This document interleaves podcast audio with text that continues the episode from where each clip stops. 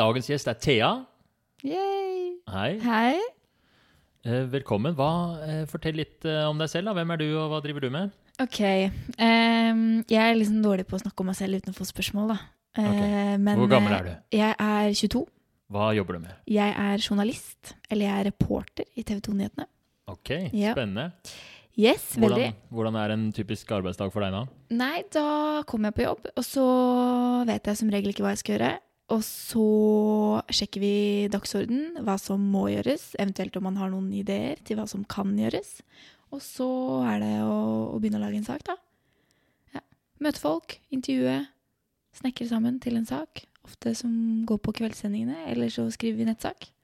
Ja, det er det. Veldig varierende. Det er jo det som er så bra, at vi gjør aldri det samme. Mm. Så man vet jo aldri hva man skal når man kommer på jobb. Det virker som eh, med en gang at du liker jobben din. Ja. jeg smiler når jeg snakker om det. Mm. Jeg gjør det. Jeg elsker jobben. Det er veldig gøy. Så bra. Ja. Hvor, hvordan visste du at du skulle bli journalist? Eh, det visste jeg ikke i det hele tatt. Men eh, jeg eh, tenkte litt sånn når jeg skulle velge utdanning. Jeg, altså, jeg studerer jo fortsatt, så jeg er jo egentlig ikke ferdig journalist. Men eh, jeg skulle velge utdanning. Jeg hadde hatt et friår og måtte bare finne på et eller annet. Og så har jeg alltid vært glad i å liksom snakke med mennesker. Jeg har alltid vært interessert i nyheter og, og få med meg hva som skjer rundt meg. Men uh, jeg var inne på sykepleie også. Og, og satt egentlig det på førsteplass. Oi. Og så i siste sekund så bytta jeg, for jeg tenkte at hvis jeg skulle angre på det, så er det bedre å ha en journalistutdanning videre enn en sykepleierutdanning. Fordi har du journalistikk, så lærer du i hvert fall å skrive eh, altså etiske ting. Du, du lærer liksom grunnleggende Som jeg tenkte kanskje kunne funke i en annen setting også, da. Mm. Hvis jeg skulle bli noe annet enn journalist. Men virker som du har truffet veldig blink, da. Ja, og så begynte jeg, og så studerte jeg, og så syntes jeg kanskje det var litt sånn helt greit, men så begynte jeg å jobbe da, når vi fikk praksisplass. Og det er da jeg har skjønt at eh, jeg har lyst til å gjøre det her. Det er bedre det enn andre veien. At man syns Ja. studiet er gøy, men det er jobb. ja. Ja, ikke sant? Mm. Ja, for det er jo litt faren. Mm. Og det kanskje ja, nå skal, Jeg Det er sånn som med men meg som lege. ja. Nei, det er ikke det, vel. Jo da. Neida. Jo da. Okay, Ja, men jeg frykta litt at det var, i hvert fall med sykepleie, da. At jeg kanskje syntes det var spennende sånn, men at eh, jobben ble for uh, hard, eller at det ikke hadde passa meg. Så jeg er glad jeg valgte. Mm. Ja. Hvordan er en vanlig hverdag for deg, da?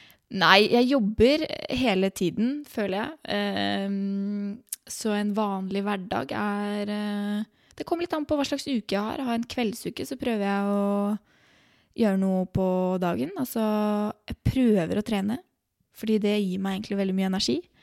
Men det blir jo ofte til at man sover lenge, eh, og så drar på jobb på kvelden. eh, og så er det det.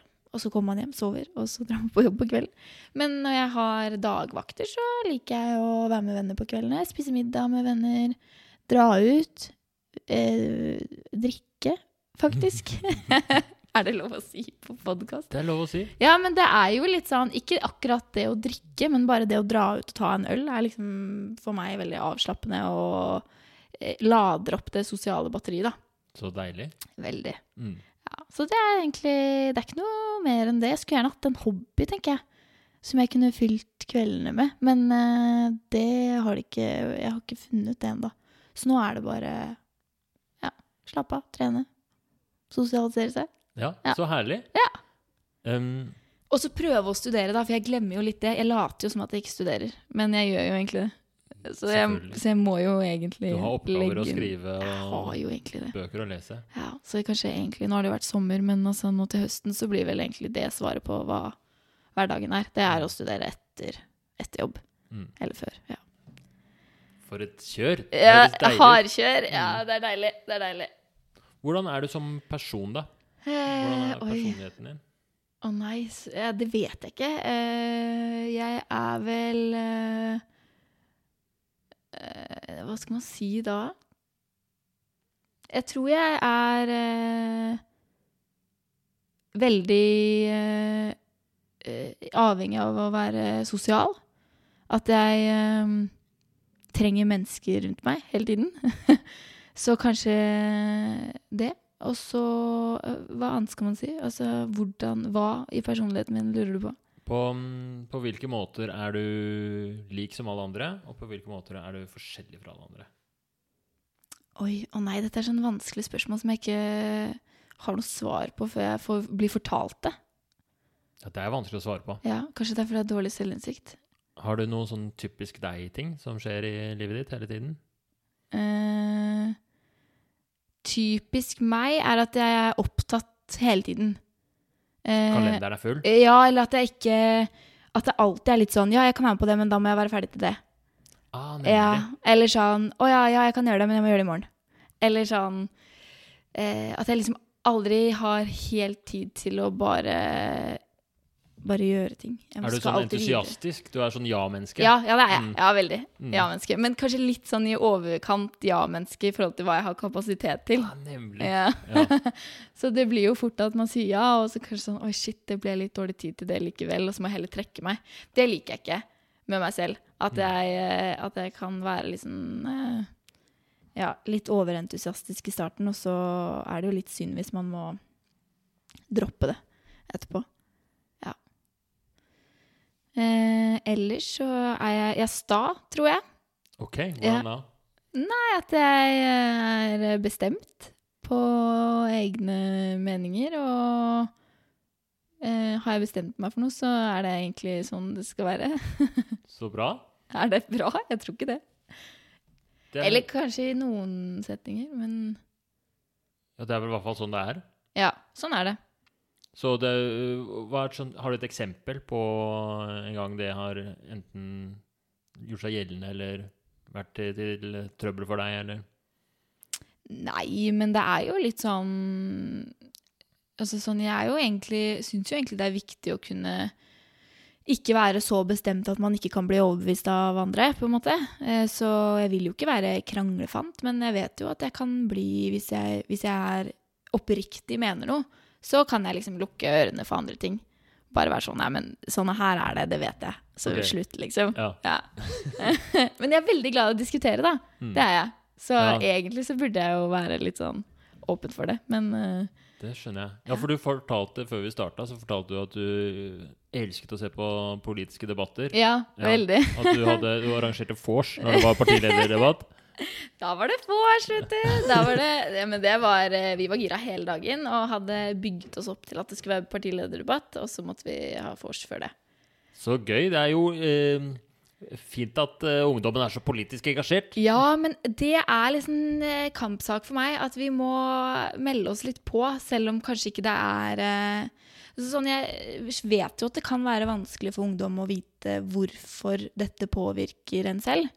Eh, fordi det blir mye snakk om liksom store ting, altså skatt, helsereformer, sånne type ting. Men i bunn og grunn så påvirker det jo alle, og det er jo så viktig at vi liksom Hvis vi får den muligheten til å kunne være med å påvirke, så, så må vi gjøre det også.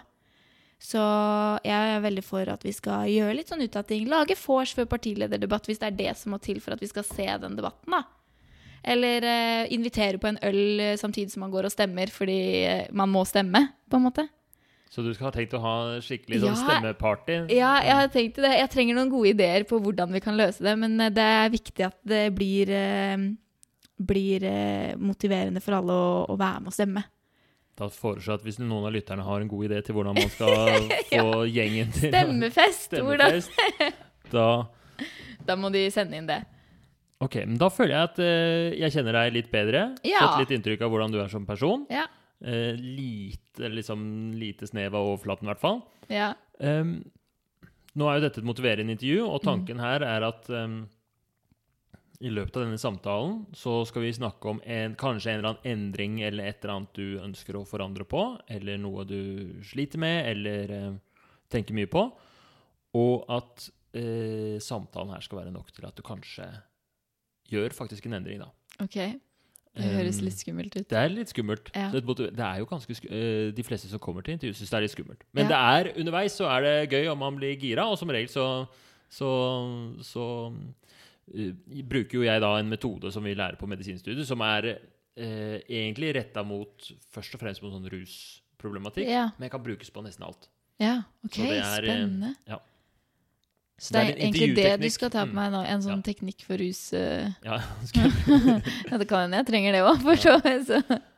Men hva er det noe mm, du tenker du har lyst til å endre på i livet ditt? Um, jeg, sånn, hvis vi snakker om motivasjon eh, Dette er jo litt sånn overfladisk. Det går ikke på liksom sjel og personlighet. Men jeg har jo null motivasjon til å gjøre liksom ekstra ting. Sånn ting som jeg kanskje gjerne ville fått til, men som jeg ikke eh, kan ta meg tid til, da. Eksempel trening. Jeg vil bli enda bedre på det. Jeg gjør det, men jeg gjør det bare hvis jeg blir ordentlig pusha til det. Så kanskje litt sånn indre, finne litt sånn indre motivasjon til å gjøre ting jeg ikke må, men som likevel er nødvendig, på en måte. Nemlig. Du vil ha egentlig sånn generell sånn Ja, du har egentlig lyst til å bli best i alt? Ja! det er ikke mulig, da. Men uh, ja, litt. Ja, men spennende. Ja. Eller bare liksom Et eksempel på det er jo et, eh, trening, da. Mm. Uh, jeg uh, har i det siste skaffet meg en personlig trener fordi det er liksom typisk sånne ting er jeg litt dårlig på å komme i gang hvis ikke jeg blir veldig sparka bak. Så eh, når jeg har en avtale med henne, så drar jeg dit og har det kjempegøy og jeg elsker det og jeg blir supermotivert. Så går det to dager, og så klarer jeg ikke å dra alene igjen. Nemlig. For da har jeg liksom mista det. Ja. Så jeg tror jeg er veldig sånn at jeg, jeg, jeg elsker ting der og da, og så hater jeg det etterpå. Ikke sant? Så Ja. det, er derre det, er, det er det å komme deg dit som er vanskelig for deg, egentlig. Når Ja. du først er der, så har du det gøy. Ja. Og når, det er, når terskelen er veldig Eller når du må, fordi du har en avtale med din personlige trener, Ja. så mm, Interessant. Jeg har trua på eh, det du sier, da, det med å gjøre ekstra ting. Mm. Så mm, er i hvert fall et sånt pr- prinsipp vi bruker ofte her, er at, eh, at man kan jo ikke løse alt på en gang. Nei. Men det er helt fint å begynne med én, én konkret ting, f.eks. trening eller hva som helst annet. Og tanken er at hvis man får, får en sånn god opplevelse, får mestringsfølelse, får eh, motivasjon og endring på den tingen, så vil det gjøre det lettere å kanskje endre en annen ting seinere. Men at man tar det sakte og rolig, én ting av gangen. Mm, sånn, ja. Gir det mening? Ja, det gir mening. Ja. Hva tenker du at du har lyst til å begynne med, da? Hvis du skulle Ja, da er det trening. Det er trening som er liksom Ja, Ja. for du har nevnt det flere ganger i dag. Ja. At uh, det er noe du gjerne skulle gjort mer av. Men du, Ja. fortell om hvordan du trener nå, da. Nei, det blir jo, det blir jo liksom halvveis, da. Jeg har liksom medlemskap på Sats, eh, og går dit når jeg har avtaler. Men ikke når jeg har overskudd, på en måte. Eller ikke når jeg har tid, da, kanskje. Mm. Da gjør jeg heller noe annet. Så hvor ofte har du de siste par månedene hvor ofte har du trent? Eh, kanskje en gang Å nei, det er flaut å si. en, gang, en gang hver annen uke, kanskje. Hvorfor er det flaut? Det er lite. Er det ikke det? Tenker du at det er liksom skamfullt å, å trene en gang annenhver uke? Eller det er i hvert fall veldig interessant at du syns det er flaut, da. Ja, ja, sånne ting kan jeg synes er litt flaut. Ja. For du ser, ser du på deg selv som en person som burde trent mer? ja. Mm. Hvorfor det?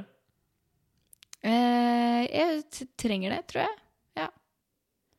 Så Og så er det litt sånn åh, Jeg er ikke keen på å være en sånn eh, En som ikke gidder. Jeg har ikke lyst til å være en sånn person.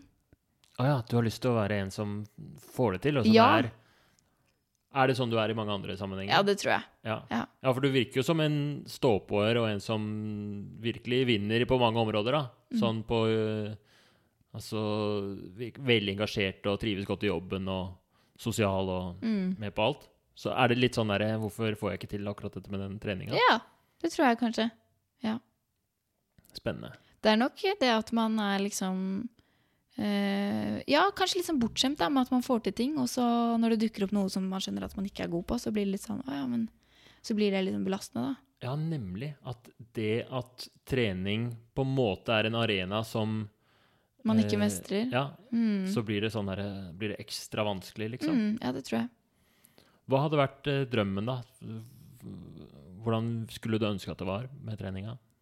At det var eh, bare en eh, En naturlig del av eh, hverdagen. Og ikke en sånn påkjenning eller en sånn belastning. Ja. Ikke en sånn ting man bare åh, må gjøre. ja, det var noe du Hva slags trening er det du ser for deg du Nei, styrketrening, løping jeg, jeg hater jo å løpe. beundrer folk som har løpeglede. Har du løpeglede? Jeg er ikke min løpe... Jo, jeg liker å løpe veldig korte distanser. da. Jeg er sånn ja, sprintertype. Ja. Ja. Så det syns jeg er veldig gøy når det er eh, sånne intervaller på treningssenteret. Oh, ja. Eller vi har, jeg og min venn treningskamerat Per vi har et eh, opplegg. Det er noe som heter Skill Mill, OK! som er en, eh, en tredemølle. Så nå svarer jeg bare fordi du stilte meg spørsmålet. Ja, ja, ja. ja. Um, det er en tredemølle som er sånn bøyd. Uh, ja. så, Sånn, du, ja. Så du skrur ikke på liksom, farten, men du regulerer farten med hvor fort du løper selv. Da. Så hvis du tar steget litt lenger frem, så går det på en måte fortere. Mm. Og så har vi det vi kaller eh, Vanligvis så er intervalltrening er jo fire ganger fire. Fire ganger fire minutter. Varer en halvtime til sammen. Og det har ikke vi tålmodighet til, så Mm. Nei, vi tar to ganger to. og da tenker vi på en måte at ja, ja, det er jo bare halvparten så dårlig. Men det er, det er jo faktisk fire ganger mindre tid. Eh, for vi tar både kortere Men anyways, Yeah. så det vi gjør, er at vi tar um, først så Fordi på den skill-millen Dette blir veldig detaljert, men jeg må fortsette. Jeg må bare Nå gjøre må du bare stå i det. Ja. Ja. Så um, det starter med at vi går på den, Mm. og så, når det har gått ett minutt Idet klokka slår liksom ett minutt, så ser jeg ned på kilometerne. Og der står det f.eks. nå har det gått 0,23 km. Og så er målet da å løpe dritfort i 100 meter. Eh, så da bare setter vi opp farten, og så følger jeg med på den kilometeren fra den er på 0,23 til den er 0,33. Og da Mm. kan jeg gå igjen. Ja. Det tar ca. 20 sekunder. Men blir helt utslitt. ja, ikke sant. Så det er en spurt, basically. Ja. Og så går vi til det har gått ett minutt, og så spurt igjen. To ganger, og så er det Per sin tur to ganger, og så er det meg to ganger, og så er han to ganger. ja. Um, Men er du avhengig av Per for å få til det? Jeg og Per trener jo sammen to til tre ganger i uka, Ja. så jeg drar aldri på treningsstudio uten Per, nesten. Nei. Men Men det hvis høres litt fint ut. Ja, det er kjempefint. Ja, Kanskje jeg skal skaffe meg en Per? Men nå er det sånn at din journaliststil gjør at du begynner å stille meg spørsmål, så dette må få slutt Å på. ja, det er ikke lov. ja. Så, uh, jo, men det er veldig fint. ja. Men em, Men uh, hva Ja, hva, fortell mer om hva du tenkte da du hørte det, da. Eh, det med Per? Det med Per, og det med løpeglede. Eh, nei, jeg syns det, er bra at du får til det, men eh, Det frister ikke deg å Nei, drive og løpe på tredemølle. Nei, egentlig ikke.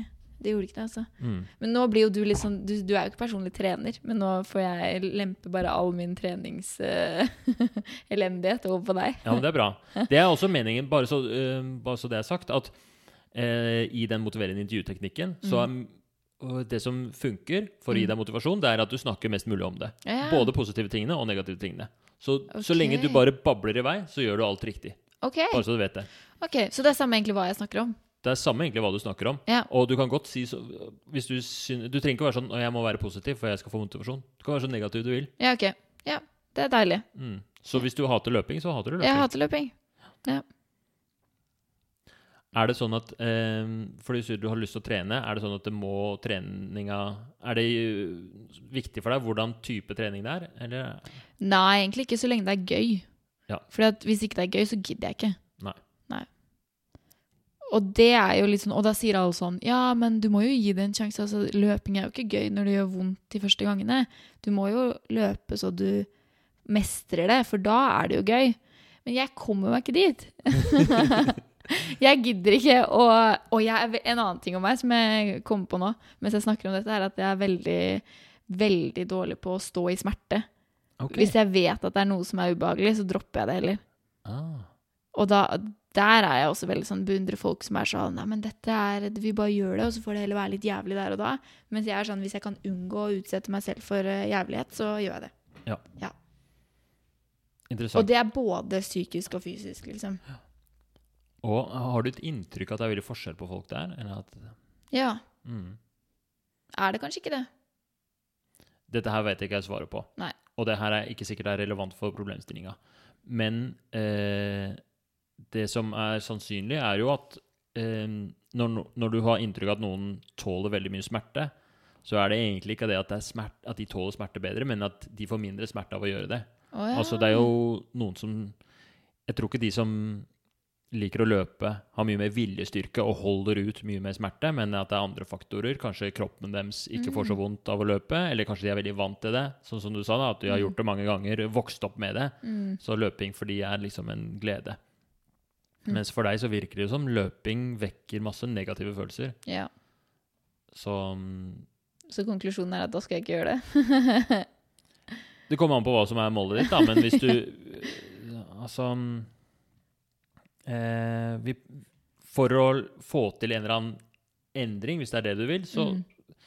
eh, kan det lønne seg å mm, for det første male et slags sånn tydelig bilde av hva er det som er viktig for deg. Mm. Og det virker ikke som det er så veldig viktig for deg å løpe, hvis du kan finne en annen måte å trene på Nei, som er bra. det er riktig.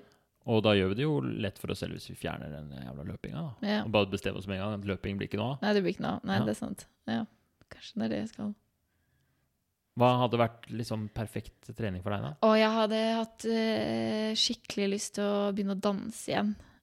Ok, ja. Fortell mer om det. Nei, jeg dansa før. På, jeg har dansa alt mulig rart, men eh, det er liksom trening som man ikke merker at det er trening. Ja. Og det elsker jeg. Så sånn, jeg dansa ballett, jeg dansa jazz og moderne, men de siste årene, eh, så lenge jeg var ordentlig aktiv, så dansa jeg chairdance, Mm. som er liksom en lettere versjon av cheerleading, bare uten løft. Okay. Mm. Ja, men du er et lag, og så uh, har dere en koreografi, og så øver man fram til det, og så er man jo på NM, VM, det er liksom litt greier rundt det, da. Drakter og dusker og kjempegøy. Eh, og da da var det jo Det er jo masse trening. Du må jo være sterk og, og ha ordentlig god utholdenhet. Men da merka jeg jo ikke at det var trening, for det var jo bare gøy. Mm. Det var musikk, og det var andre folk, og det var liksom Ja. Så hvis du hadde fått til en endring i livet, sånn at du dansa igjen nå, da, bare sånn hypotetisk, Ja. og gjorde det Jeg vet ikke hvor ofte det skulle vært, en gang i uka eller to ganger i uka, eller hva, Ja. men at du ikke løp, ja. hvordan hadde det vært for deg? Det, her blir jeg realistisk. Det hadde ikke gått. Hvorfor ikke det? For jeg har ikke én til to kvelder i uka. Ah, det er tid til Ja, det er tid. Mm. Ja, ja. Det er det. Så Og da er jo liksom løping et bedre alternativ, for det kan du få til en halvtime før du du kan smelle inn når som helst, liksom. Ja, Mm. det er det. Mens dansing er Problemet med dansing er at det er faste tider. Ja. Så det jeg vil gjøre, er jo ikke nødvendigvis det jeg kan få gjort. Mm. Ja. Interessant. Mm. Dette er bra. Ja, det er Jeg føler kanskje at det. vi driver og vi nøster, Vi her er nøster opp i noe. Vi nøster opp i noe, og Ja. vi kommer nærmere og nærmere hva er det du egentlig vil. Ja. Vil jeg Og- egentlig ha mer tid? Er det det? Nå spør jeg deg. Ja, jeg har ikke svaret. Nei, ikke jeg heller. Mm. Men, det er, men ja, et spørsmål å stille seg selv. Mm. Mm. Um, vi kan gå um, Ofte så gjør, er det en sånn liten sånn strukturert del av intervjuet hvor vi stiller noen helt sånn konkrete spørsmål. da. Ja, gjør Så hvis du fikk det som du ville, Mm, og Eller vi starter med hvis du ikke gjorde noen endring, mm, og lever akkurat sånn som nå, mm. hva hadde vært fordelen med det? Ehm, ja, det er eh, behagelig. Behagelig. Ja. Enkelt og greit. Ja. Deilig. Ja. Veldig lett. Ja. Gjennomførbart. Ja, Gjennomførbart, ja. Ja. Hva hadde vært ulempene med det? Um, at jeg aldri fikk uh, utfordra meg på noe nytt, tror jeg. Ah, du, hva er det som er fordelen med å utfordre seg på noe nytt, da? Man må jo ha nye input for å utvikle seg som en person. Det er jo veldig viktig. Utvikle seg som person. Ja. Det er viktig for deg? Ja, veldig. Du tenker at det er en viktig del av livet? Ja, Det gjør jeg. Hvordan, hvordan har du mm, Hvilke erfaringer har du med det med å utvikle det? Har du opplevd tidligere at du har liksom gjort noe så du utviklet deg som person? Ja, eh, eller Ja, altså, jeg eh, tror at eh, liksom det ble, liksom skjedde en ting når jeg eh, ble singel. Fordi jeg hadde kjæreste fra jeg var eh, 14 til 20. Og det er jo hele ungdomstida. Og da merka jeg at når, når det ble slutt, så skjønte jeg at jeg har jo bare utviklet meg etter han. Altså, vi har jo vokst sammen til å bli typ samme person. Fordi eh, vi har ikke fått nye input, da. Så eh, de to årene etter det så har det bare vært sånn Jeg føler jeg har lært så sykt mye og blitt en, fått en helt annen personlighet. For deg så har det vært sånn frigjørende å bli singel. Ja, ikke fordi at det var noe gærent med han, eller at det var et dumt forhold. Det var det ikke i det hele tatt. Men bare fordi eh, det Det var liksom det, Ja, man fikk ikke nye Jeg ble liksom ikke Det skjedde ikke noe nytt. Ja, nå får du utløp for et eller annet. Altså du får uttrykt deg, og du får prøvd forskjellige ting. Og, Ja. Ja, og da finner man jo ut hva man liker og ikke liker. Eh, er man eh, på samme stadie hele tiden, så, så kan det jo hende at du risikerer å ikke møte på ting som, som kanskje hadde gjort bedre for deg, da. og Hvis det gir mening. ja, det gir kjempemening, og jeg syns det er interessant at det kommer opp i samtalen om trening, på en måte. Hva tror du er Mm. sammenhengen her? Ah, nei, si det. Jeg vet ikke. Har du svaret på det? Nei? Nei. Jeg kan stille spørsmålet på en litt annen måte. Da. Hva, eh, fordi, mm, for å oppsummere, så har vi, vi har snakket om eh, hva er det du vil ha motivasjon til, og en ting som du tenker mye på, er den derre eh, Åh, jeg burde trent mer. Mm. Til og med så syns du det var flaut å si hvor, hvor i gåsetegn lite du trente. Ja. Og- Gåsetegn. Ja. Nei, men det er jo mange som eh, Trener mindre enn det? Ja, det tror jeg definitivt. Ja, okay. Eller eh, ja, altså Jeg vet ikke hva som er gjennomsnittstreninga, men trening er i hvert fall typisk sånn ting hvor de som trener masse, gjør veldig mye ut av det. Mm. Og Og, og hva er det som man Ofte så blir det sånn Hva er det som er definert som trening? Er det, er det ikke trening hvis man danser på byen, f.eks.? Mm. Man, man teller jo som regel ikke det, men man blir Nei. jo like svett av det som man Ja, det er opptur. sant.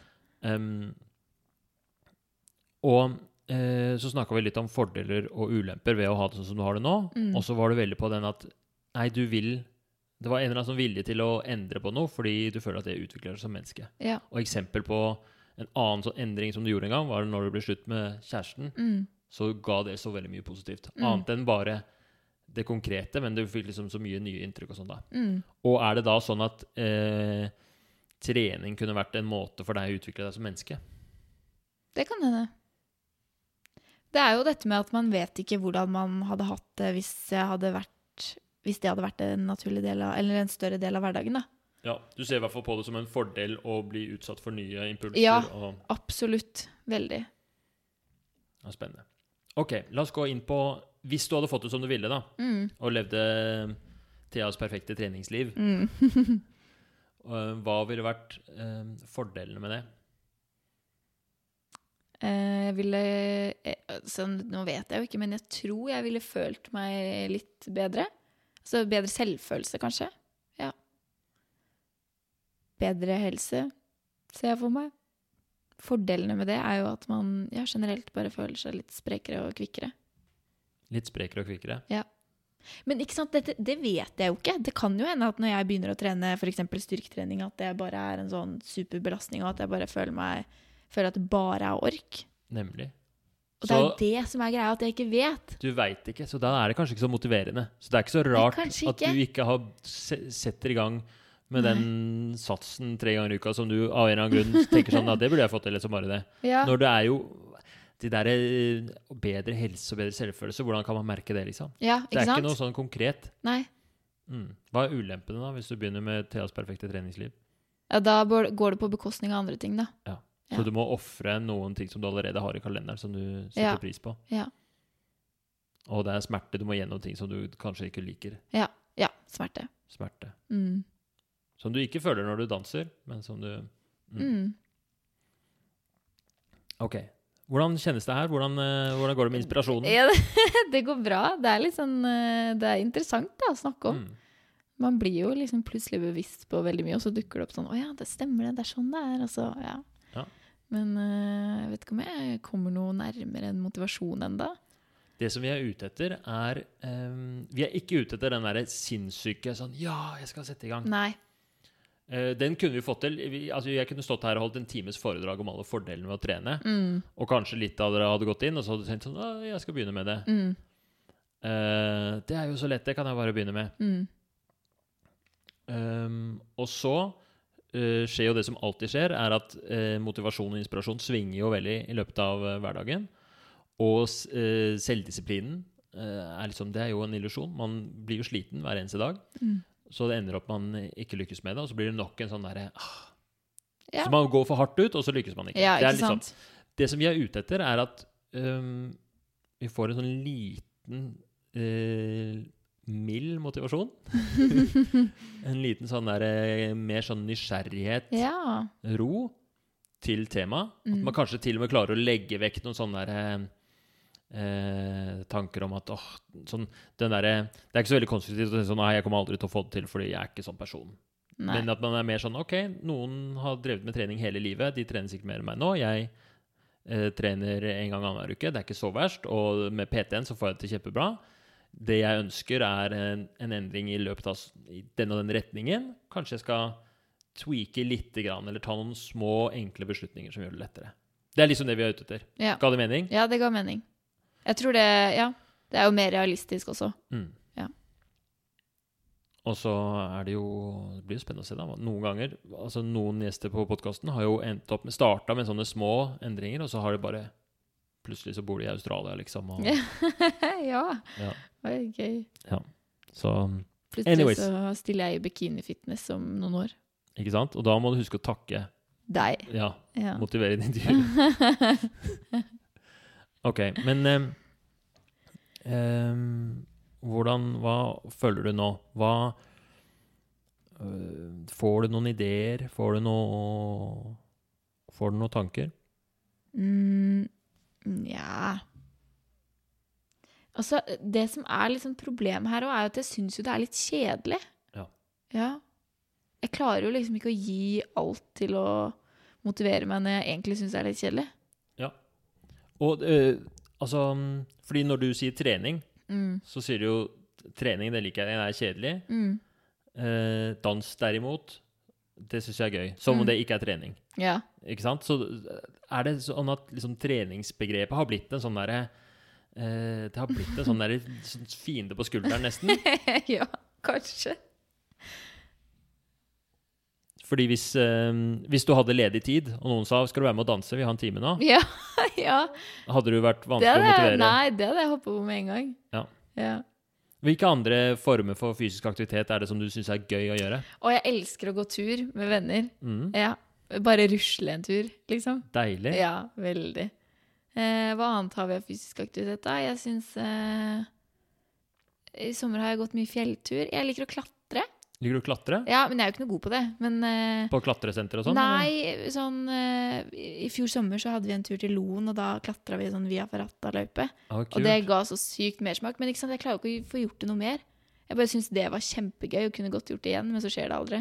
Mm. Ja. Men husker du i stad, så spurte jeg deg hvor mange ganger har du trent de siste to månedene. Mm. Men den, disse fjellturene og via Ferrata-greiene var jo sikkert innen de siste to Ja, månedene. det var det jo, men det har jo ikke telt med, da. Du har ikke telt det med? Nei. Jeg bare syns det er interessant. Ja. At man har liksom ja, innstilt seg på hva trening er. Du har bestemt deg for at trening er de tingene, delene av fysisk aktivitet som du ikke liker, men som du burde gjøre. Ja. Og så kommer du her og sier sånn Jeg vil ha motivasjon til å trene. Men du har jo masse motivasjon til å gjøre masse ting som Ja. alle ville kalt trening. Ja, det er sant. Men du har bare bestemt deg for at det teller ikke. Ja, men det tror jeg liksom, hvis det er lov å skylde på noen andre, da, så tror jeg det er liksom samfunnet sin, sin feil. At det er liksom normer og Det tror jeg òg. Det er Ja. definitivt lov å skylde på andre. Ja, det er bra. Det er samfunnet At det er sin feil. liksom Det er på en måte det vi ser at man skal leve opp til. Ja. Um, Faen, så irriterende. ja, det er jo egentlig det. Drit vel i de treningssentrene, du vel? Ja, jeg gjør jo det. Men det er jo det alle andre gjør, ikke sant? Mm. Jeg er jo litt dårlig på det òg. Å stå unna gruppepress og Ja. Litt sånn fear of missing out på alt, egentlig. Ja. Ja, Du har sterk FOMO. Ja, ja, Mm. om jeg har du Og nå innså jeg at kanskje det gjelder både sånn Ikke bare liksom det å ikke være med på en fest, men Mm. faktisk å ikke liksom henge seg på den treningstrenden og Ja. sånne ting òg. Ja. Å, shit, ja. Kanskje det er det det bunner i. At jeg bare må være med på det alle andre gjør. Men det er jo irriterende. Jeg vil jo ikke være en sånn person. Jeg vil jo være min egen person som gjør det jeg syns er kult, uten å tenke på hva alle andre syns er kult. mm. Men så er jo liksom trening da blitt en sånn greie som er liksom viktig for andre folk at, uh, at man gjør. Viktig for andre, hva mener Ja, du? eller sånn, jeg bare føler at det har blitt en sånn derre ja, hvis ikke man trener, så er man jo ikke Det, det må man jo gjøre, liksom.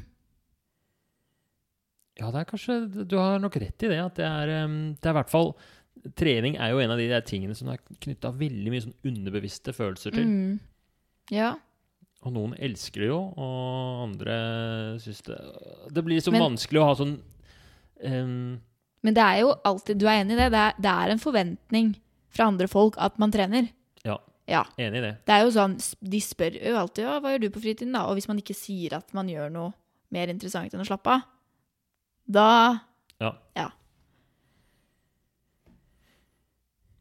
Mm.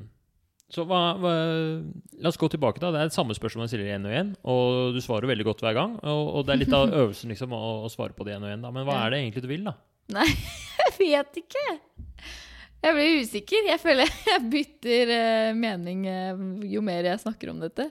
Ja, nei, Vi kan oppsummere. Jeg syns Ja, dette her gir veldig uh, god mening. Jeg. Oi, At du har eh, Du tenker mye på den treninga. Du Mm. går rundt og, og Jeg skulle ønske um, Jeg skulle ønske jeg trente mer. Jeg skulle Mm. ønske jeg var hun dama på, som bare digga tredemøllen og bare hver gang jeg hadde en halvtime, så smukk ned. Ja. Uh, og du tror jo en del av det tror, jo- Du tror jo kanskje du ville følt deg bedre, vært kvikkere, friskere, bedre helse, alle de tingene Mm. der. Mm. Men samtidig så liker du det ikke så godt. Det er kjedelig, så du gjør det ikke. Nei. Og i tillegg så har du en sånn Så er jo du en veldig samfunnsbevisst person og har mye tanker om eh, så du har, altså du har jo fuckings vors på partilederdebatten. Er det Så- så, nerd? Eh, Nei, men Det er helt fantastisk, ikke sant? Men du ser jo også det, det, Du er egentlig litt for smart for ditt eget beste, ikke sant? For du ser jo det derre um, Det uheldige med hvordan mm. eh, trening har blitt en sånn trend som Mm. er noe alle skal gjøre, og det skal Mm. gjøres sånn og sånn og sånn. Mm. Og du sier noe veldig viktig. Jeg har jo ikke lyst til å være som alle andre. Jeg har Nei. lyst til å være min egen person. Mm. Så selv om du Det er mye ved trening som egentlig appellerer til deg, og syns det er gøy, og særlig dansetrening, og det finnes jo masse trening du kunne gjort, men ved å dra på det treningssenteret, så blir du litt den derre som støtter Mm. treningstrenden, som det er mange ting ved som du hater. Ja, det er helt riktig. Ja. Det er veldig interessant, det der, faktisk. Så jeg tror det også bidrar til at det er vanskelig for deg å dra. For du må liksom gå på bekostning med et lite sånn eh, ideologisk prinsipp du har. Ja. Som jo er et vakkert, fantastisk prinsipp, Ja, som jeg støtter 100% ja. Gøy. Så en del av deg står på barrikaden og bare Hei, vi må slutte med den treningsskammingen på alle sammen. Ja. Og en annen del av deg er sånn Ja, men fader, det hadde jo vært digg for meg om jeg hadde trent, da. ja, ikke sant? Man vil være med på det, og så blir man irritert på seg selv for at man skal være med på det. Ja. og det gjelder jo andre ting også. Sånn, altså, det kan være klestrender også. Sånn, er jeg egentlig keen på å ha, ha den der teite toppen der som alle andre har? Eh, nei, men jeg kjøper den likevel, for den alle andre syns er kult. Så du trer inn i en sånn ambivalens. Ja, litt. Ja. Litt. Og den der ambivalensen, når den, i hvert fall når den ligger der og ikke blir utforska, Mm. så kan den bli veldig handlingslammende Mm. og gjøre at du blir sittende liggende i sofaen og tenker 'nå må jeg trene', og så gjør jeg det ikke, Ja. og så blir man litt ulykkelig av det. Ja, absolutt. Det kjenner jeg mye på. At det er liksom, sånn skam og litt dårlig selvfølelse. Mm. Fordi man føler man må, Mm. men ikke får gjort det. Hva skal vi gjøre med det her, da? Nei, jeg vet ikke. Altså, sånn, jeg syns jo det er eh, motiverende på en måte å høre at man må jo ingenting hvis ikke det er bra for en selv. Uh, og, og det liksom skjønner jeg jo litt nå. Jeg vet bare ikke om jeg klarer å tenke på det hver gang jeg tenker at jeg burde trent. Nei. Jeg tror du sikkert, sånn som oss alle andre, kommer jo til å ha masse altså skam. Vi kan ikke fjerne all, all skam. Nei, nei vi kan ikke det. Vi kan Men- belyse litt. Ja. Men jeg fikk en uh, idé her nå, etter denne samtalen, uh, om at jeg kan kanskje ta initiativ til å gjøre litt mer sånn uh, fysisk aktivitet med venner. Ok, Ja, det fikk jeg litt lyst, lyst til nå. så kult. Der kjente du en liten sånn mild motivasjon? Ja, jeg gjorde til det! Jeg kjente litt sånn, ja, når vi snakket, så var jeg sånn, men kanskje jeg skulle spurt en venninne om hun har lyst til å være med og dra og svømme eller noe.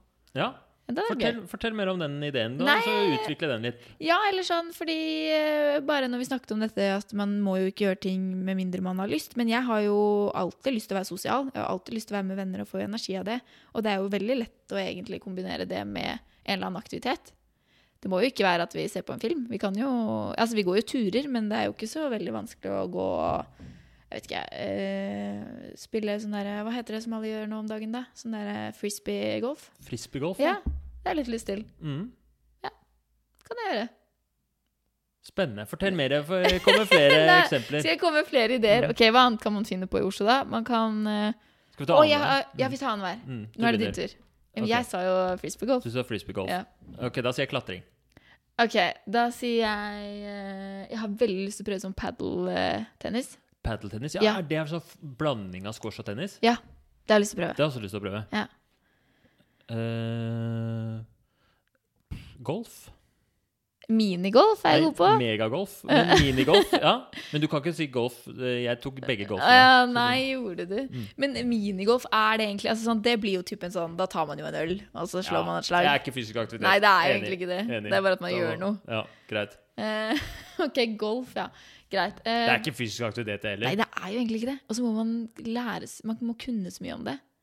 Ja, jeg, Dropper jeg, du det? jeg spiller ikke golf. Jeg synes det er do ja, men jeg bare kommer med forslag. Men mine forslag teller ikke. Det er kun dine forslag som teller. Oh, ja. Fordi man vil aldri eh, begynne med noe som man har fått beskjed om av noen andre. Nei, det Så er det må komme godt fra deg selv. Så jeg må passe meg litt, fordi de forslagene jeg sier, uansett hvor gode de er, kommer du sannsynligvis til å tenke sånn Nei, det skal i hvert fall ikke gjøre.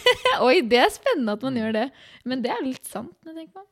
Ok, en annen ting jeg vil gjøre ehm, Jeg er ikke så veldig kreativ heller, vet du.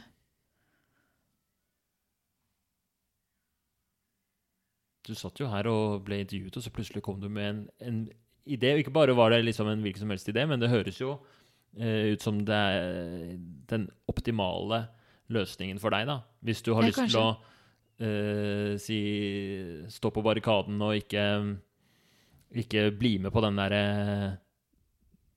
trenden av dårlig selvfølelse og 'jeg Mm. må trene', men heller være den som eh, skaper liv rundt deg og Mm. finne på fysisk aktivitet man kan gjøre som ikke nødvendigvis Mm, gjør deg deppa. det er sant. Her eh, for noen Ja, når var det her, da? Kanskje et halvt år siden, eller noe sånt, så bestemte jeg og en venninne oss for å dra på sånn trampolinepark. Oi! Og det var kjempegøy! Å, herregud, så god trening der! Har du prøvd? Jeg har aldri prøvd. Altså, det er, altså, du tenker sånn OK, gøy, det er litt små unger der og sånn, det er kanskje litt kleint, men altså, den Du blir så sliten i beina.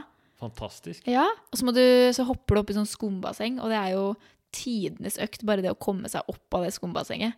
Så du får liksom Ja, brukt alle muskler i kroppen, Ja. da. Så det kunne jeg gjort igjen. Trampolinepark. eh, Frisbeegolf. Frisbeegolf, svømming. Det er helt Er det lov å be liksom, lytterne om å sende inn enda flere forslag? Det er lov. Ja, da må Det de gjøre lov. det. Ja. Ja. det må du gjøre. Vi, um, um, vi, vi, lager, vi, ta, vi må ha en sånn derre um, Vi har jo en sånn Facebook-gruppe. Ja. For- Eh, lukka gruppe for gjestene og de ivrigste lytterne. Så man, jeg legger link i beskrivelsen på, på episoden, og så kan Mm. man gå inn der. Så der kan jo du skrive en liten en oppfølging på et eller annet Mm. tidspunkt. Om du har Mhm. kommet på noen andre morsomme ja, sosiale treningsaktiviteter. Ja, Jeg har en innrømmelse. ok. Åh, det her eh, hadde jeg egentlig ikke tenkt å dele, men eh, Oi, spennende. jeg er jo også ganske glad i å eh, danse. Er du? Ja. Så jeg har meldt meg på dansekurs. Har du? Mm. Hvordan dansekurs? House for nybegynnere. Nei. Jo. Nei. Mm. Kan man lære seg å danse house? Danse house for nybegynnere. Nei. Jo. Nå trodde jeg du skulle si liksom Tirsdager klokka liksom ni. Jeg trodde du skulle si liksom sånn vals eller selskapsdans eller Og så er det house? Det er house, ja. Ok, men hva gjør man da? Liksom ja nei, jeg vet raver ikke, du, Det er første time på tirsdag. Men det som er eh, det jeg oh, det er innså kjempegøy. etter Ja. Fordi jeg, jeg var i en um, eh, jeg, jeg var i affekt, ikke sant? Mm. Og tenkte Fordi jeg har plutselig om eh, tilfeldigvis uh, vært involvert i sånn dansetimer og sånn. At jeg ble med på På studiet så var det liksom Bestevenninna mi i klassen starta sånn dansegreie. Ja. Og så ble jeg med eh, litt sånn skeptisk, og så var det sykt gøy. Mm. Og så eh, i mannskoret jeg synger i, så har det også vært en liten sånn eh, dansegruppe. I, med tanke om Fordi vi, skulle, vi skulle synge på sånn klubbarrangement og sånn. Ja, så, Ja, så dere måtte ha en liten koreografi i tillegg? ja, det ble liksom aldri noe Men i hvert fall så Det som jeg sitter igjen med, at er så For det første god trening, men det er Mm. så gøy. Og et eller annet med den derre å øve koreografier og sånt som vekker Ja. noe sånn Ja. deler av hjernen. Ja, det er sant. Og jeg, jeg er helt sikker på at jeg har følt meg lykkeligere hele uka etterpå. Er det sant? Ja, ja, ja, det er jeg helt sikker på. Og pluss at jeg har lest studier Oi. på at dansing er den beste treningsformen for å forebygge demens. Det er den aller, Ja, aller det tror jeg på. Du må være så påskrudd. Ja. Og det er kjempegodt for balanse. ja. Og for eh, bare kropps... Altså sånn vite hvor man plasserer kroppen. Ja. Som jeg tror man kan ha bruk for i hverdagen også. Definitivt. lærte jeg på PT-en min, egentlig. Ja. ja, men jo, koordinasjon er jo den altså, Ja, koordinasjon. koordinasjon. og balanse er jo de viktigste Sammen med styrke er de viktigste og utholdenhet Nei, veit jeg ikke lenger hva som er Men i hvert fall, alt dette her spiller veldig stor rolle for hvor gammel du blir. Ja, ikke sant? Fordi det du Mm. dauer av, vet du hva det er? Eh, at man ikke bruker kroppen, Ja, tipper jeg. Og når man ikke bruker kroppen, hva skjer da? Da tryner man. Og når man tryner, tryner, ja. så brekker man lårhalsen, og det er det man dauer av. Aha, ok. Eh, Ja. no, det er det noen dauer av hver dag, i hvert fall. ikke påstå det, Ja. men greit. Men, eh, men eh, Ja, så jeg har begynt på House for nybegynnere. Men jeg er redd for at Ja, det skjedde i affekt, og jeg meldte meg på bare yes, og så dagen Nå angrer jeg jo, for jeg gruer Nei, men du må ikke gjøre det. Men nå er du også litt sånn Det var sånn flaut for deg å si. Ja, det er flaut, og, og, men det jeg gruer meg aller mest til, er at jeg møter opp der, og så Mm. håper jeg jo at, er, at jeg ikke er den eneste i 30-åra. Og så er jeg litt redd for at alle er 17. Det kan hende, da. Det kan hende. Fordi jeg spurte en Men- som hadde vært på samme Og hun var sånn Ja, jeg var eldst da jeg var der, og, men da var da jeg var 21.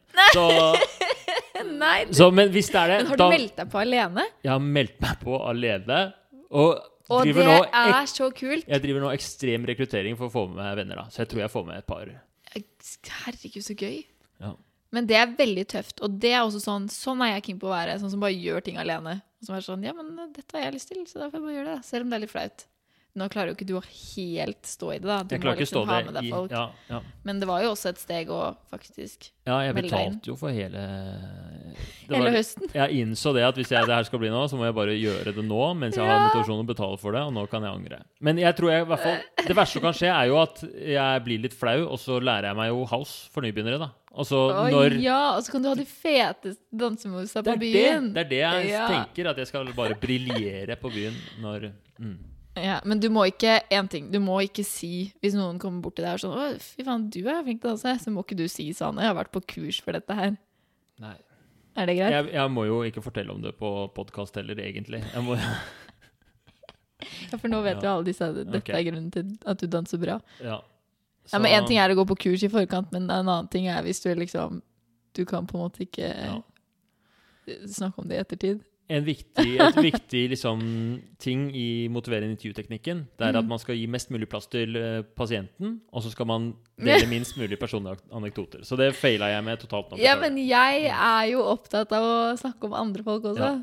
ja, men det er jo kjempefin egenskap her og nå, men det hindrer deg jo okay. i å få gjort den endringen som du har Ja. kommet hit for å få. Ja, ok. Og det som um, Du sa en ting mens jeg holdt på, at du hadde lyst til å være den som er med og eller tar med folk på Eller gjør ting alene. Ja. ja. Det er en del av din personlige utvikling som du har lyst til å få til? Eller det, Ja. du tenkte på noe der? Ja, det tror jeg. I det siste så har jeg tenkt på Jeg har jo fått meg en uh, turnus som eh, gjør at jeg har fri hver fjerde uke. Og det er jo ikke så veldig mange andre som har det. De fleste har jo en eller annen vakt den uka eller et eller annet annet de skal gjøre. Så i det siste så har jeg tenkt at en god øvelse kunne vært å booke seg en ferie alene. Oi! Wow! Men det er altså så stort steg at jeg vet ikke om det går. Men uh, samtidig så er det også en god start, fordi hvis du er et sted hvor ingen kjenner deg, så kan du egentlig bare drite i det. Samme om jeg spiser middag alene et sted hvor ingen vet hvem jeg er. De vet jo ikke hvorfor jeg spiser middag alene. Ja. Men jeg hadde jo aldri gjort det her, da. Hadde aldri gått ut i Oslo og spist alene. Men eh, det kunne jeg tenkt meg å prøvd. Jeg liker når gjesten etter 45 minutter i podkasten skifter eh, tema for jeg skal på ferie, jeg skal ikke trene. Mm. jeg kan trene litt på ferien, da. Nei, men det er bra. Jeg, jeg liker i hvert fall den derre uh, Bare for å oppsummere, da. Så, Ja. Fordi det handler jo om det samme. Det handler jo om at uh, det som er viktig for deg, Mm. er ikke å følge å leve de, det livet som um, er bestilt fra samfunnet, liksom. At man skal trene tort, tort, tort. Mm. Det som er viktig for deg, er å uttrykke deg sjæl, Ja, og utvikle deg sjæl, Mm. og ta egne valg. absolutt. Og du vil gjerne at de valgene skal være gode for din helse og fysisk aktivitet og alt sånt, Mm. men du vil at det skal føles som det kommer fra deg. Ja. Og at um, enten om det gjelder trening eller reising. ja. Er ikke det eh, Hva, hva det er tenker en du om det? veldig god oppsummering. Mm. Ja, det er det. Absolutt. Ehm, ja. Jeg vil ikke eh, adde noe til det. Jeg syns det sier sitt. Hva Hvis du har noe med deg herfra nå, da, hva forventer du at liksom skjer framover? Hvordan kan du bruke det her, denne samtalen, hvis du har en liten sånn time av inspirasjon, da? Nei, altså jeg er veldig glad for at denne samtalen ikke endte i at jeg må gå og trene mer. Fordi det skjønte jo både du og jeg at kommer mest sannsynlig ikke til å hjelpe så mye for eh, min personlige utvikling og det jeg egentlig har lyst til å drive med. Så jeg skal ta med meg at eh, det må man bare være tilfreds med, hvis det er sånn det er. Og så kan man heller prøve å finne på andre ting som gjør at man eh, kombinerer både dette med fysisk aktivitet, men også det man egentlig vil, som er å være sosial på en annen måte. Så jeg skal absolutt innse til en treningsdate hvor jeg gjør et eller annet som ikke er liksom for jævlig, men likevel gøy, med andre personer. Ja. Gratulerer. Jeg syns det høres veldig bra ut. Ja, var ikke det bra? Nå tenkte jeg vi skulle avslutte med Ja. at du tegner en tegning Ja. som på en måte Og ideen der er at eh, Fordi nå har vi hatt mye sånn eh, gjennom ørene Mm. at det har kommet inntrykk. Mm. Og så skal du prøve å liksom eh, sementere det litt. Feste det litt med en tegning. Sånn okay. at du også har et eh, visuelt bilde av det. Ok. Og det kan være hva som, helst. Dere som hører på, dere kan um, få se tegningen til Thea på den Facebook-gruppa. Og der går det også an å følge med på ja, hva som blir resultatet. da. Ja, Det blir ja, spennende. det blir kjempespennende. Hva kommer ut av det? Ja. Ok. Så om i løpet av noen uh, dager så kommer det kanskje en liten oppdatering om hva som har skjedd. Ja, det skal jeg prøve å få til. Herlig. Ja. Da sier jeg tusen takk for at du stilte opp. Takk for at jeg fikk komme. Bare hyggelig. Og lykke til med alt. Og så får dere som hører på, ha en fin dag videre.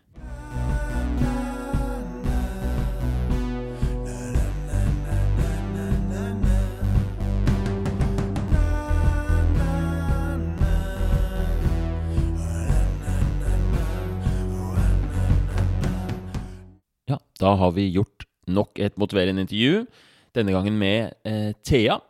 Altså, så gøy det intervjuet her var. Jeg er så glad for denne jobben, eller hobbyen her, da. At eh, jeg får mulighet til å snakke med alle disse forskjellige folka. Det er så morsomt. Dere burde prøve å ha et motiverende intervju med noen. Det er dritgøy. Um, dette intervjuet handla da om Eller for det første så uh, var det jo tydelig at uh, Thea ikke hadde noe konkret forberedt på forhånd som hun ville snakke om. Hun hadde ikke hørt på noen av de andre motiverende intervjuene tidligere, og var um, uh, ganske sånn Ja, jeg vet ikke helt hva jeg vil snakke om. Det er helt greit, men det er veldig sånn kontrast til det forrige intervjuet, f.eks., med Aurora, som hadde en veldig tydelig, klar problemstilling um, med en gang. Sånn når man skal få en effekt i livet, så kan det jo nok være lurt å Jeg har veldig trua på den effekten av å skulle i et intervju og tenke igjennom hva er problemstillinga, og hva er det jeg har lyst til å endre på. Så når man kommer uforberedt, så går man litt glipp av den effekten. Men samtidig så kan det jo skje ganske mye i en sånn diskusjon hvor man liksom diskuterer frem og tilbake og utforsker hva er det jeg ønsker å endre på, egentlig. Så jeg syns det er helt fint å komme uforberedt.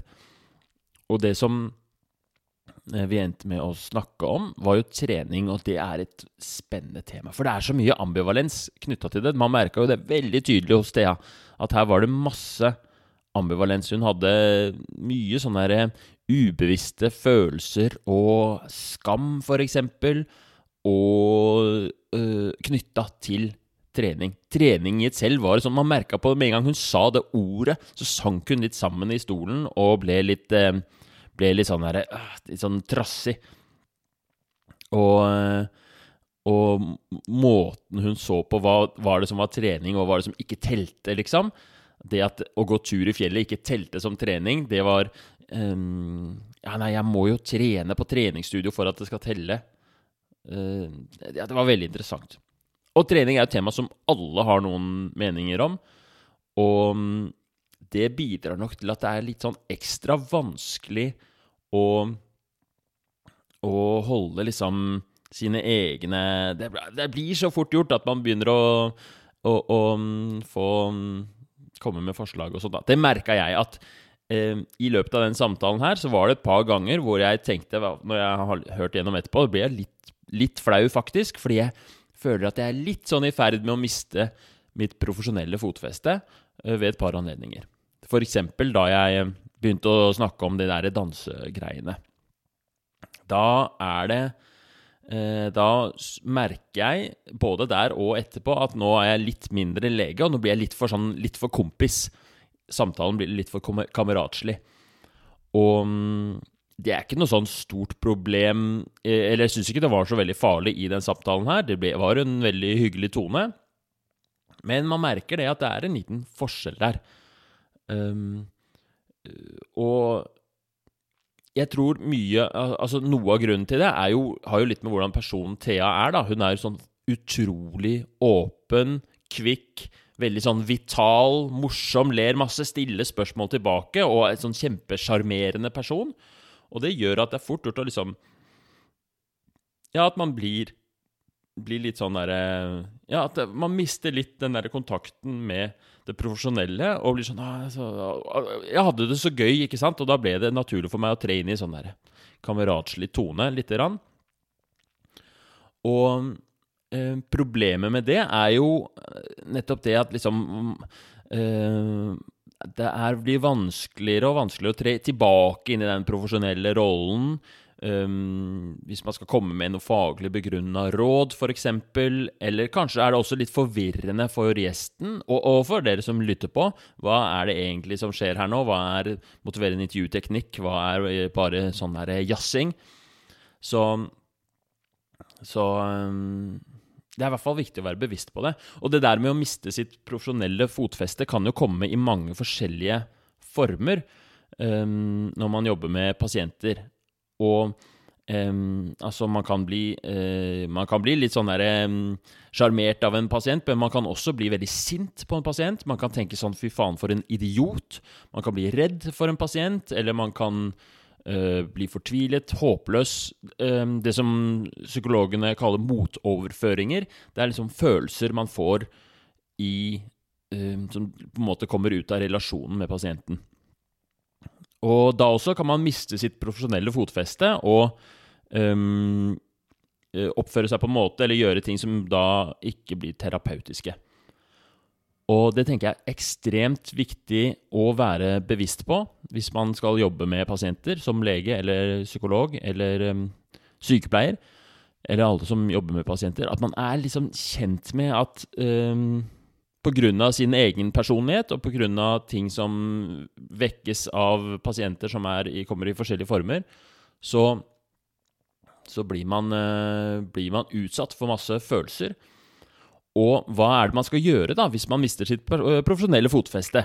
Hvordan skal man holde seg fast? Hva skal man holde seg fast i? Jo, det er teknikken. Det er rammene og strukturen i samtalen. Derfor er det nyttig å være skikkelig godt trent og ha en god plan for samtalen. Og i dette tilfellet her, da, hvor jeg liksom plutselig var nede og, på kompis, og, og øh, jeg danser også, liksom, så Det er så flaut.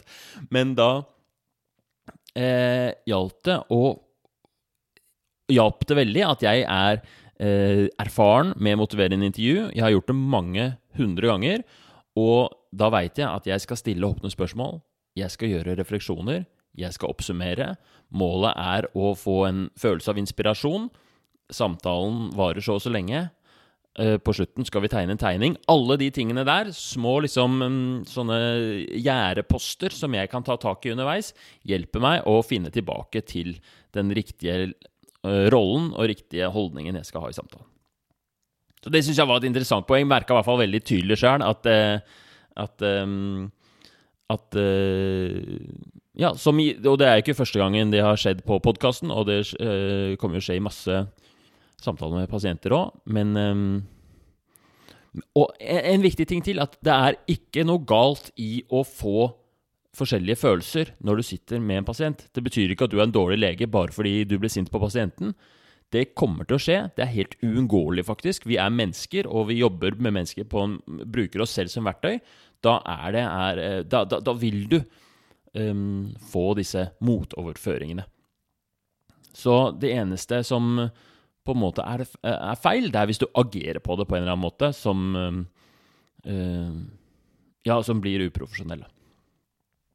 Så så lenge, så lenge, du har de følelsene, blir bevisst på de, og klarer å holde deg fast i, i, det du skal gjøre i samtalen, så gjør du alt riktig. Også en ting som er kjempeviktig, er jo å snakke om det med uh, veiledere og sånt noe.